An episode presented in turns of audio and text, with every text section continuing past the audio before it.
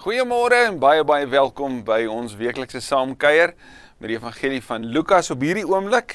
Dankie dat jy ingeskakel het. Net vir die wat dalk vir die eerste keer hierna kyk, onthou asseblief van die notas wat beskikbaar is en ek kan vir jou alles stuur van die begin af. Indien jy nog 'n behoefte het, stuur dit asseblief net my e-pos na csmith@ksm.co.za. Vanoggend is my hart net so vol dank. Ja, dit is die week voor Paasfees en ons reis met Lukas het op 'n besondere manier, op 'n kosbare manier, jy's hier geëindig dat ons vir die laaste paar weke eintlik onsself al voorberei het vir wat nou vir ons voorlê. Maar ek is so dankbaar vir vir die werk agter die skerms wat hierdie moontlik maak. Die kameramanne, die regering, die die klankmanne. Jy weet vir elke produksie is daar is daar hande en voete agter die skerms. Dis daar tyd wat ingesit word. So van my kant af vandag net dankie ook vir hulle. Dankie vir die Here dat ons tot hier toe kon kom. Verlede week het ons in die tuin van Getsemane stil gestaan. Het ons gehoor hoe Jesus bid: Vader, neem hierdie lydensbeker van my af weg, maar nogtans nie volgens my wil nie. Hy het ons geleer om te bid, Here, as dit U wil is, om daarby te begin. Hy het sy disippels geleer as jy in die versoeking kom, bid, bid dat jy nie in die versoeking kom nie. Bid voor die tyd reeds. So kom ons bid nou voor ons met die teks besig gaan wees dat die Here ook sy wil sal geskied en sy wil vir ons sou openbaar ook vir hierdie dag. Vader, dankie dat ons vandag kan bid vir U wil. Ons kan pleit, ons wil pleit. Here, praat met ons. Dit is U wil om met ons te praat, om met ons te kommunikeer, om met ons in verhouding te wees, om met ons te reis. Dankie dat ons vandag weer kan stil staan die voorreg kan hê om alles af te sit en net te fokus op hierdie baie baie belangrike teks. Dankie dat dit ook met ons sal werk vandag. Ons het 'n verwagting en ons bid dat U sal praat. In Jesus se naam. Amen. Lukas 22, ons lees vanaf vers 47. Terwyl Jesus nog praat en onthou hy's daar in Getsemane, hy het nou klaar gebid, hy het opgestaan, hy het die disippels aan die slaap gekry, hulle was moeg geweest, uitgeput geweest. Hy het gesê slaap julle, staan op, kom. Dis nou tyd. So terwyl hy met hulle praat, is daar 'n beroering hier aan die een kant van hierdie tuin. Daar's beweging. So terwyl hy nog praat, kom 'n klomp mense daaraan. 'n Groot getal mense. Die een wat Judas genoem is, dis Judas Iskariot wat ure van tevore met hom brood gebreek het. Wat die nagmaal ontvang het, het Lukas vir ons gewys. Een van die 12 So hy's een van hulle en hy's een van die apostels, een van die wat naby aan Jesus was vir die laaste 3 jaar, saam met hom gestap het. Hy kom toe aan die een wat Judas is, die een wat een van die 12. Hy het hulle gelei en nader gekom en na Jesus toe gekom en hom gegroet met 'n soen. Hy het hom gesoen. Kyk die verraad in Judas se optrede. Verraad teenoor Jesus, verraad teenoor die 12 want hy draai sy rug op hierdie groep, hierdie surrogaat familie met wie hy die laaste 3 jaar baie naby gestap het, saam met hulle geleef het, saam met hulle die Pasga beleef het en ja die eerste nagmaal beleef het. En nou, hier in die donker, weet hy waarom Jesus te kry. Want hy was mos nou saam met hulle hierdie week. In die dag was Jesus in Jerusalem en die aand was hulle teen die Olyfberg in die tuin van Getsemane hy gaan toe so toe en hy gee en hy soen hom. Nou 'n soen is 'n teken van 'n verband. Dit is 'n teken van intimiteit. 'n teken van vriendskap, van nabyheid. Is dit nie wat die sonde ook maar doen nie, nê? Dit vat dit wat mooi is en dit verdraai dit. Dit gee vir ons 'n verwronge beeld van goedheid. Vir altyd sal 'n soen 'n dubbele betekenis hê. Van wie Judas. Want hier in die nag verraai hy Jesus juis met dit wat moes sê ek is verbind aan jou. Op hierdie oomblik sê hy ek gaan jou hiermee verraai. Die die lelik daarvan in die donker van hierdie nag moet ons aangryp. Maar Jesus sê vir hom Judas, verraai jy die seun van die mens met 'n soen? En hierdie sin kan 'n mens eintlik lees van die begin af met 'n fokus, met 'n aksent op elke woord. Judas. Judas verraai jy? Judas verraai jy die seun van die mens? Judas verraai jy die seun van die mens met 'n soen? Daai woorde wys vir ons die die donker wat hier aan die gang is. Hierdie seun van die mens is die Messias titel daar uit Daniël 7 uit. En Jesus kom sê, jy vat dit wat trou beteken en jy wys daaruit daarin jou ontrouheid aan my. Toe die wat saam met Jesus daar was, direk sy disippels, toe hulle sien wat gebeur, vra hulle, Here, moet ons hulle met die swaard aanval? En nou weet ons mos dat vanuit hierdie groep was daar die vraag gewees. Toe toe Jesus gesê het, julle moet vir julle swaarde aanskaf en 'n reissak en en 'n beursie. Toe sê hulle mos het twee swaarde. So ons weet hulle het dit by hulle gehad. En terwyl van die disippels nog praat, toe toe reageer Petrus. Ons ken mos so Petrus. Hy doen eers en dan dink hy, klink amper so by tye in elk geval. Vers 50, een van hulle wat natuurlik Johannes help ons om te weet dit is Petrus. Toe toe slaan hy na die slaaf toe, die slaaf van die hoëpriester en kap sy regteroor af. Hierdie is detail wat net Lukas vir ons gee. Lukas die dokter stel belang in watter oor is afgekap. Wat sy regteroor. Johannes het vir ons gesê maar dan Johannes 18, dit was Malchus gewees. Nou Malchus was die slaaf van die hoëpriester. En hierdie moet ons nou baie mooi hoor. Hierdie is konflik op sy ergste. Hierdie is die die die die aanvang van van van iets Petrus het 'n daad gedoen wat die hele proses in die wiele kan ry. Want nou kan daar oorlog wees. Nou kan hulle mekaar aanval. Nou kan daar geweld wees. Nou kan dit nie net Jesus wees wat gevange geneem word nie, maar die groot groep, almal van hulle. So wat gaan nou gebeur? wanneer Petrus dit dit doen en van die kommentaare reken Petrus het dit gedoen omdat dit 'n natuurlike reaksie was. Dit was die wêreld van daai tyd. Jy het jouself verdedig. So dit mag dalk nie die eerste keer gewees het nie. Wie weet? Wie sal ooit weet? Maar Petrus gryp die swaard en hy en hy kap. Dis wat gebeur wanneer ons nie luister nie. Dis wat gebeur wanneer ons nie verstaan nie. Dis wat gebeur wanneer ons uit ons eie uit en veral in Petrus se geval uit vreesheid optree en vrees kan maak wat ons ander seer maak. En dis wat hier gebeur. Lukas wat die oor van Malchus afkap. Vers 51 kom wys Jesus vir ons wat sy bedoeling ook was toe hy vir hulle gesê het, maar julle moet voorberei vir die wêreld wat kom. Toe hy vir hulle sê, skaf vir julle daardie goed aan wat ons net nou genoem het. Jesus sê vir hom, hou op daarmee. Sien die koninkryk van God kom nie met geweld nie. Jy kan nie iemand in die hemel inslaan nie. Die koninkryk kom nie met geweld nie. Daarna het hy die oor aangeraak en hom genees. Op hierdie oomblik neem Jesus die inisiatief weer terug. En hy bring genesing. In sy diepste oomblik van lyding, van rou, van van bloed sweet, sweet wat soos bloed lyk, soos bloeddruppels lyk, van angs maak hy tyd om te genees herstel hy die situasie sodat God se plan kan tot volvoering gebring word. En Jesus genees vir Malchus. Hy bring vrede daar. En Dr Lukas beskryf dit in soveel detail vir ons. Toe sê Jesus vir die priesterhoofde, hoor mooi hoe hoeveel mense was almal daar. Die priesterhoofde, die offisiere van die tempelwag en die familiehoofde, aan die ander woorde die godsdienstige elite wat teen hom opgetrek het. Trek julle met swaarde en stokke uit soos teen 'n rower?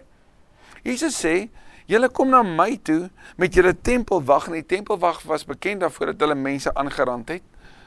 Die tempelwag van die Joodse godsdiens wat mense aangerand het, wat rowers in die nag sou gaan soek het. Daar teen die Olyfberg wat waar hulle sou kon wegkruip agter die olyfbome en dies meer. Nou sê Jesus, nou kom soek julle my asof ek wegkruip asof ek 'n rower is, asof ek iets verkeerd gedoen het. Dag vir dag was ek saam met julle in die tempel. Julle kon dit elke dag gedoen het, daar in die daglig voor almal. Nou kom julle na my toe in die nag. En julle het nie 'n hand uitgesteek om my te vang nie, sê Jesus. Want nou dat die tyd vir die duistere magte daar is, het julle julle kans gekry. Hierdie woord duistere magte kom vertel vir ons een van die situasie agter die skerms, die donker wat dink ons gaan nou wen. Dit vertel ook iets vir ons van dit wat gebeur in die duisternis. Ek en jy weet mos dat in die donker gebeur die moeilikheid. In die donker kom die die sonde op sy beste na vore. In die donker kan jy wegsteek. Daar kan niemand dit sien nie. In hierdie geval is dit mos wat hier gebeur. Is 'n onwettige gevangenskap en dit gaan 'n onwettige verhoor wees wat voorlê. So hier in die donker kom kom gryp hulle vir Jesus en dink die boosheid natuurlik dat dit gaan oorheers. Hierdie duistere magte en hierdie oomblik wat aanbreek, verduidelik natuurlik vir ons van die oomblik van Christus se lyding en die oomblik van verraad wat nou aangebreek het. Vers 54: Hulle het Jesus toe gevange geneem en hom weggelei. Ons sien dat Jesus dan 6 verhore in die oor in die oog staar. Hy gaan eers sê Johannes vir ons na Anna se huis toe. Annas was die skoonpa van Caiaphas. Caiaphas was die hoëpriester geweest. Dis Caiaphas wat dan Johannes 18 gesê het, dit is beter dat een man sterf as dat die hele volk sterf. Daar in vers 14. Van Caiaphas af sal sal daar dan 'n verhoor wees by die Sanhedrin. Die Sanhedrin die hoogste hof van die Jode. Van die van die Sanhedrin af sal dit dan gaan na Pilatus toe. Pilatus gaan hom stuur na Herodes toe. Herodes gaan hom terugstuur na Pilatus toe. En elke keer is daar hierdie onregverdige en 'n goeie saak kan uitgemaak word onwettige verhoor van die onskuldige Christus maar God se plan word volvoer. Hy het hom gevange geneem en hom weggelei en in die huis van die hoëpriester gebring. Daar in die huis van die hoofpriester is daar baie planne gemaak. En ons moet weet dat hierdie planne kom nou al 'n baie lang tyd in verloop. Hulle soek die hele tyd iets om Jesus mee vas te trek en hulle kon dit nie regkry nie. Hulle soek planne om hom in die weg te ruim en hulle kon dit nie regkry nie. En toe met Judas kry hulle 'n plan hier in hierdie heilige week. En hulle planne moet vinnig beweeg. So ons kan dink hoe hulle terwyl alles gebeur het, hierdie chaos van hierdie week dat hulle in die nag besig is om te fokus op hierdie een man en hoe hulle hom gevange kan neem en hoe hulle hom reg kan stel. Christus. En hier tel hierdie proses nou geweldige momentum op. Hulle is in die huis van die hoëpriester en Petrus het op 'n afstand agterna gekom. Dis net Petrus en Johannes wat Jesus gevolg het. Ons sien dat Johannes na die na die binneplaas toe kon gaan. Nie net dit nie, hy kon in die huis ingaan waarskynlik omdat daar 'n verhouding was tussen Johannes se pa en die hoëpriester en Caiaphas. So Johannes het die voorreg gehad, maar Petrus het nie. As Galileer het hy op 'n afstand gestaan, maar hy was naby. Dink net jouself die emosie van Petrus op daai stadium. Petrus wat deur alles was. Petrus wat daar was toe hy die kos voorberei het. Wat wat gehoor het dat Jesus sê dis my liggaam. Wat gehoor het Petrus, jy gaan my verloon wat aan die slaap geraak het in Getsemane, is nou Petrus op sy eie, alleen, eenkant. Vol absolute verbasing van wat voor sy oë hier afspeel. Hy het op afstand gestaan. 'n Galileer in Jerusalem in die nag in die binneplaas, die binneruim van die hoëpriester totaal ongehoord. Wat soek hy daar? In die middel van die binneplaas was daar 'n vuur en daar het mense bymekaar gesit en hierdie mense was waarskynlik die die diensmeisies en die dienaars van hierdie soldate van hierdie hierdie familiehoofde van hierdie skrifgeleerdes wat besig is om Jesus reg te stel wat Jesus gevange kom neem. So hulle was die dienaars van die wrede groep. En Petrus gaan sit by hulle. Dit sê iets van Petrus wat geïsoleer is van sy eie groep. Petrus wat weg is uit die groep van disippels en nou in 'n groep is wat teen die beweging waarvan hy deel is ingestel is wat dit wil stop. Petrus het tussen hulle gaan sit daar by die vuur in die nag en dit is al laat in die nag. So jy kan jouself indink wat gebeur laat in die nag en die gesprekke wat gevoer word en dis meer. 'n Diensmeisie wat hom in die skynsel van die vuur gesien sit het, het hom goed bekyk en gesê: "Die een was ook saam met daardie man." Maar Petrus het dit ontken deur te sê juffrou ek ken hom nie. Eerste ontkenning en waarskynlik uit vrees. Petrus wat beloof het ek sal ek sal saam met u gaan, ek sal vir u sterf. Kry dit nie eens reg om te erken maar ek is nie. Want natuurlik, kyk wat gebeur hier voor hom. Angstig en onseker. Hoe gebeur dit nie in ons lewe dat as ons vrees het, ons dalk Jesus kan ontken nie. Ons moet nie te hard wees op Petrus nie. Want Petrus kom wys ook iets in ons hart. 'n rukkie later sien iemand anders hom en sê: "Jy's mos ook een van hulle." Maar Petrus antwoord: "Man, ek is nie." Doodmoeg en onseker, vol vrees, ontken hy 'n tweede keer. Na verloop van so wat 'n uur, so hulle hou hom al vir 'n uur dop en hulle onsekerheid oor hierdie man is nog nie nog nie bevredig nie. Hulle hulle het nog nie 'n antwoord daarvoor nie. Hulle is steeds agterdogtig oor hierdie vreemdeling met sy vreemde aksent hier in die nag van die binneplaas. Na verloop van soveel ure het nog een met beslisheid beweer so waar die een was ook saam met daardie man. Hy is mos ook 'n Galileer. Hulle kon dit hoor in sy uitspraak. Maar Petrus sê: "Man, ek weet nie waarvan jy praat nie." Sommige sou sê hy het 'n skerp woord gebruik. En onmiddellik terwyl hy nog praat, het daar 'n haan gekraai. Die haan wat kraai was die vervulling van Jesus se belofte. Voor die haan van sy voorspelling. Voor jy aankraai, gaan jy my 3 maal verloon. En dan het Lukas vir ons hierdie baie unieke, baie hartseer en tog baie intieme oomblik. Vers 61 sê die Here het omgedraai en Petrus aangekyk. Die Griekse woord vir aankyk is emblepo. En emblepo is is nie net om te sien nie, dis om te sien met insig. Om te sien en te verstaan. Om te sien en te beleef. So Jesus kyk na hom en dit is asof hy sê Petrus ek sien jou. Petrus ek is hier en ek sien jou. Hierdie hierdie oomblik was waarskynlik in in een van die van die kamers gewees van van die paleis van van Kajaf of van die huis van Kajafas. Daar was 'n binneplaas en daar was verskillende kamers met ingange om dit maklik te maak om toegang te hê tot die kamer en dit sou gehelp het met die sirkulasie van van van die lug binne in die vertrekke. So daar uit een vertrek kyk Jesus op daai oomblik na Petrus. Jesus wat besig was om verhoor te word. Toe val dit Petrus by wat die Here vir hom gesê het. Voordat die haan vanaand kraai, sê hy my 3 maal verloon. En Petrus het buite toe gegaan en bitterlik gehuil. Al vier evangelies vertel vir ons van hierdie hierdie verloning. Al vier evangelies herinner ons aan Petrus se spyt. Al vier kom wys vir ons dat dit die draaipunt ook is in Petrus se lewe want hiervandaan, soos Jesus vir hom gesê het, ek het vir jou gebid en as jy weer tot inkeer kom, moet jy jou broers versterk. So almal weet van hier af is daar 'n draaipunt in Petrus se toewyding aan Jesus, sy verstaan van homself en sy bediening aan ander. Dis juis uit hierdie diep plek van van skuld en berou wat hy besef het wie Christus is. Dat hy besef het dat dit vir hom is, dat Jesus se woorde waar is. Dis juis uit ons plek van diep besef van God se liefde vir ons en in hierdie tyd van van Paastyd wanneer ons opnuut weer kan sê Here, maar u liefde is vir my. My sonde is so groot. U verlossing is so seker. Romeine 2 vers 4 en gaan lees dit gerus. Kom sê vir ons, God is ryk in sy verdraagsaamheid en sy goedheid. Is vanuit liefde wat hy ons na hom toe trek. Nie vanuit vrees nie. En Petrus beleef dit op hierdie oomblik. Sy hart breek wanneer hy besef wat hy gedoen het. Lukas draai die kamera na Christus toe die manne het vir, wat vir Jesus bewaak het, het aangehou om met hom die spot te dryf en hom te slaan. As jy ooit die Passion gekyk het, dan weet jy, daai aanhoudende houe maak op 'n stadium vir jou net nie meer sin nie. Jy wil vra stop asseblief net. Hulle het aan aangehou om te slaan. Ons weet hulle het vir hom op tyd 'n 'n doringkroon gevleg.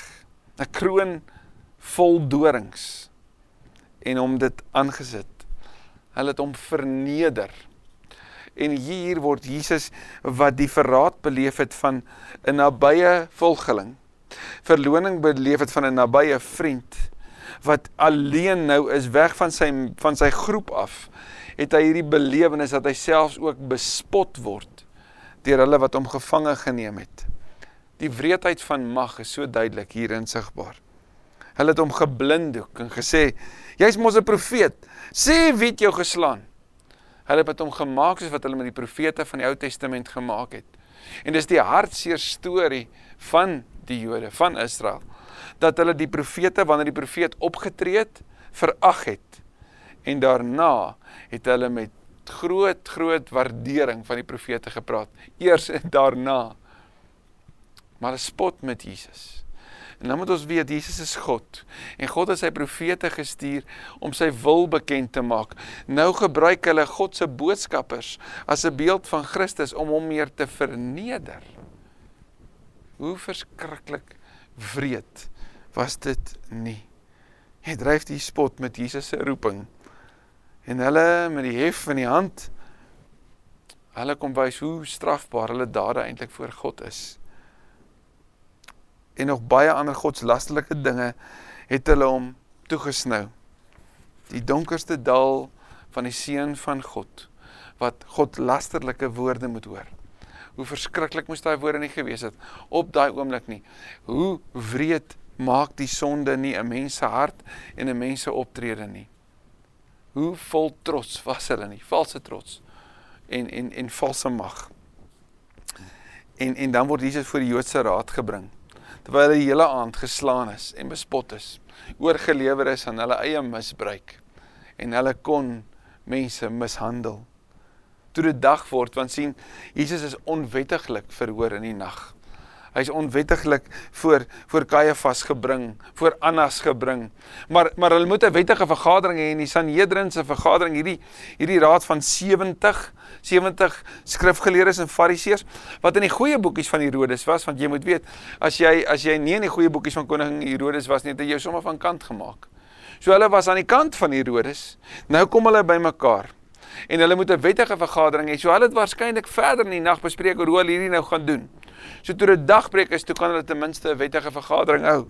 So toe dit dag word het Jesus het die raad van die volk, die priesterhoofde en die skrifgeleerdes vergader en Jesus voor hulle laat bring. Hulle was in die raadsaal daar nie in die tempelkompleks gewees. So die toneel verander. Jesus word nou geneem van die huis van Kajafas na die tempel toe om verhoor te word. Hoor jy die ironie daarvan? Die koning, die Here die God wat teenwoordig moet wees binne in die tempel word verhoor by die tempel. Hulle sê toe as jy die Christus is, dit hy natuurlik aan die gesalfde of die Messias sê dit vir ons. So asof hulle meer inligting wil hê.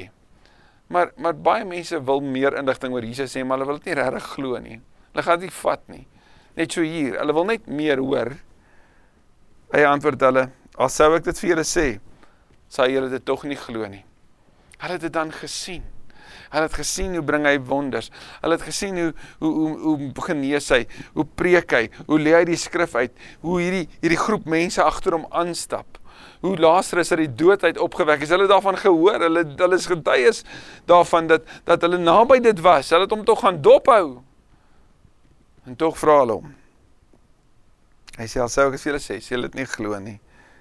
En dan sou ek julle die vraag stel, sê hulle dit ook nie antwoord nie. En hierdie hierdie proses, hierdie verhoor sou goed gedokumenteer gewees het deur die Jode. Want hulle moes dit bekend maak. Hierdie Sanhedrin kan nie onwettig by mekaar kom nie. En vir hulle eie eer en skaamte was dit belangrik dat hulle al hulle, soos die Engelsers sê, I's gedot en T's gecross het. Dat hulle alles gedoen het wat nodig is om te wys dat hulle onskuldig is. Hulle het alles wetlik reg nagekom sodat hulle hierdie hierdie man kan verhoor en uiteindelik om oorgee om gekruisig te word. So so hierdie dokumentasie en hierdie inligting was wyd bekend geweest en daarom sou Lukas ook toegang daartoe kon hê. Vers 69 maar van nou af sê Jesus sal die seun van die mens aan die regterhand vir die almagtige God sit en daar sê Jesus eerste keer wie hy is. Ons hoor dit by sy doop dat die Vader dit sê. Ons sien dit wanneer hy wonders doen dat die dat die dat die dat die donker, die duistere magte, die demone dit sê. Ons hoor dit by die belydenis van Petrus. Maar regdeur Lukas is die vraag wie is hierdie man? Nou eers deur Jesus self beantwoord.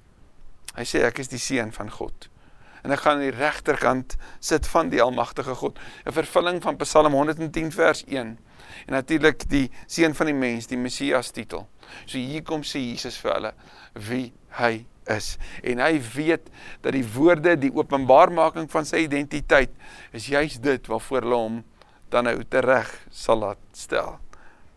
Toe vra hulle almal, dan is jy die seun van God. En dis die kruksvraag. Jy die seun van God?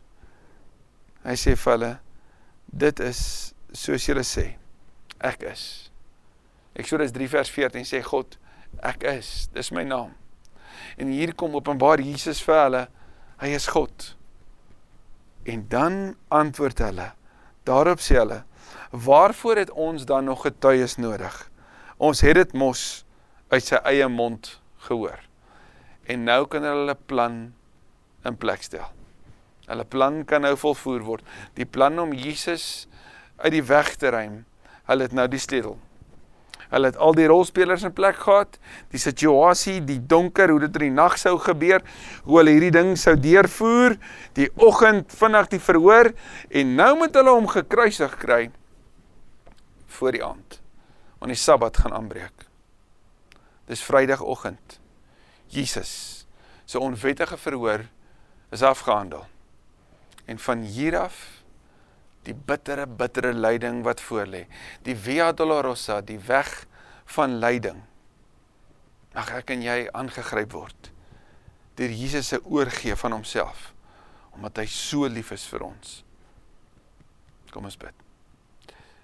Here, dankie dat ons ook in hierdie aand wat ons nou die teks aan kom beleef hierdie hierdie nag toe die haan gekraai het tussen 12 en 3 hierdie deur beweeg vanaf nag na dag kan weet dat dit ook die storie van ons eie lewe is dat ons vanuit die donker van ons eie sonde kan beweeg na die lig toe omdat u juis die lydensbeker in ons plek gedrink het. Ek bid so dat hierdie tekste wat ons lees in hierdie tyd. Psalm 22, Psalm 110, Daniël 7, Hosea en dis meer dat dit ons so sal aangryp dat ons kan sien hoe u so die vervulling is van alles daarvan. Here hierdie is so groot en is so diep. En by tye beweeg ons net te vinnig om om die ware diepte daarvan in te neem. Stop ons Here. Stop ons sodat ons kan stop en hoor en indrink en weet. U is die Here en ons bely dit vandag. In Jesus se naam. Amen. Amen. Mag Paasweek wat voor lê, hierdie heilige week van Palm Sondag tot en met Opstanding Sondag ons almal aangryp. Neem deel, wees deel van al die sosiale platforms waarby Kersfamilie betrokke is, die aanlyn gebeure, die eredienste en dies meer. Ons weet dat dat dit vir jou super baie sal beteken soos wat dit vir ons sal wees. Mooi dag vir jou.